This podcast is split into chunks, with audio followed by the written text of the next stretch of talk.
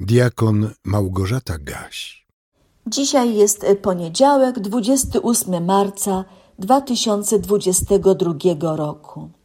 W pierwszej księdze królewskiej, w dziewiętnastym rozdziale, w wierszu 11 i 12 czytamy: Wicher potężny i silny, wstrząsający górami i kruszący skały, szedł przed Panem, lecz w tym wichrze nie było Pana a po wichrze było trzęsienie ziemi, lecz w tym trzęsieniu ziemi nie było Pana.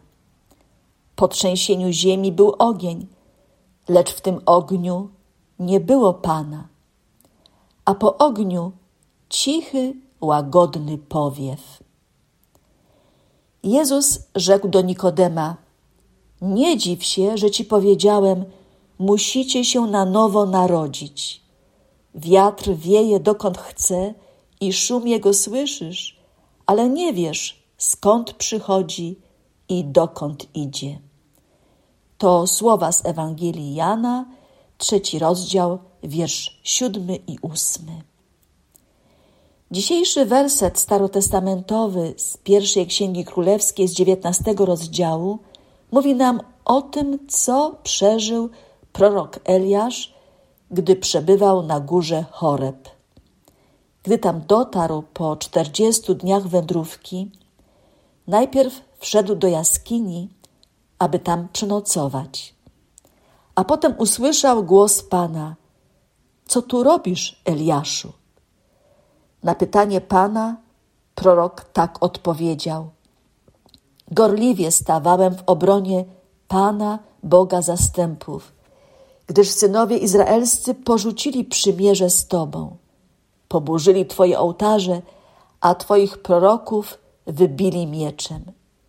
Pozostałem tylko ja sam, lecz i tak nastają na moje życie, aby mi je odebrać. I wtedy Bóg powiedział do swego sługi: Wyjdź z jaskini i stań na górze przed Panem i na oczach proroka stało się to, o czym przed chwilą słyszeliśmy.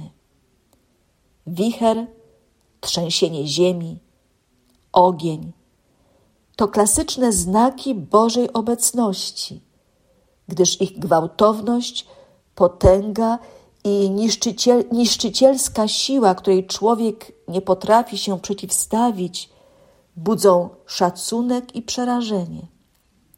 W Starym Testamencie mamy wiele opisów objawień Stwórcy, którym takie znaki towarzyszyły. Przypomnijmy sobie nadanie dekalogu. Kiedy Mojżesz udał się na górę Choreb i tam przebywał dłuższy czas rozmawiając z Panem, obecności Boga na górze towarzyszyły trzęsienie ziemi, grzmoty i wichura. Izraelici bali się zbliżyć do tej góry i pełni przerażenia prosili Mojżesza, aby był pośrednikiem między nimi a wszechmocnym. Nic więc dziwnego, że Eliasz, znając tę historię, spodziewał się spotkać Boga w wichrze i ogniu, w budzącym trwogę trzęsieniu ziemi.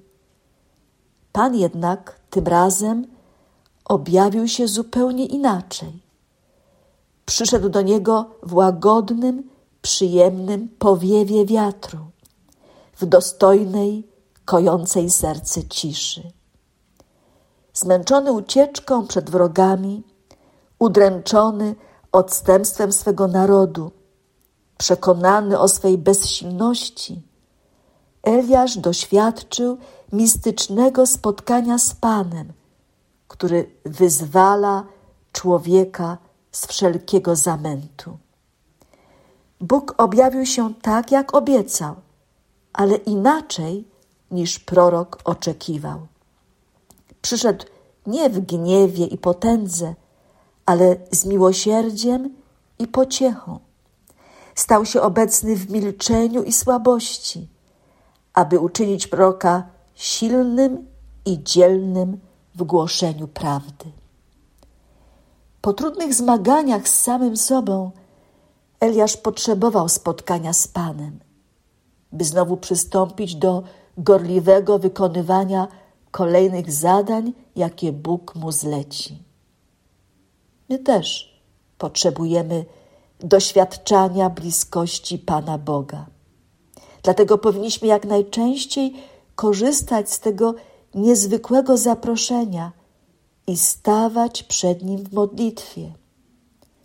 By słyszeć Boga, musimy się wewnętrznie uciszyć i skupić tylko na Nim, a wtedy prawdopodobnie dotrze do nas szmer łagodnego, cichego powiewu i doświadczymy Bożego przyjścia, Bożego pokoju. Gdy otwieramy się nad Boga, On do nas przychodzi i czyni z nas nowych ludzi. Musicie się na nowo narodzić.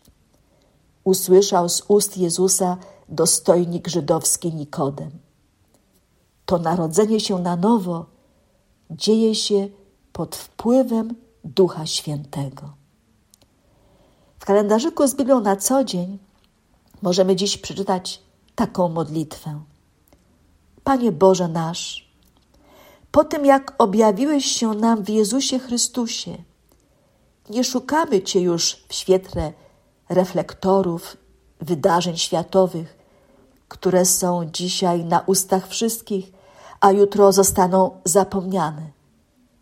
Znajdujemy Cię w miłości, która się nie nadyma, w pokornej służbie miłości, której doświadczamy od innych ludzi i dalej innym niesiemy. A sam Pan pokoju niech da Wam pokój zawsze i wszędzie. Pan niech będzie z Wami wszystkimi. Amen. Więcej materiałów na www.trojca.waw.pl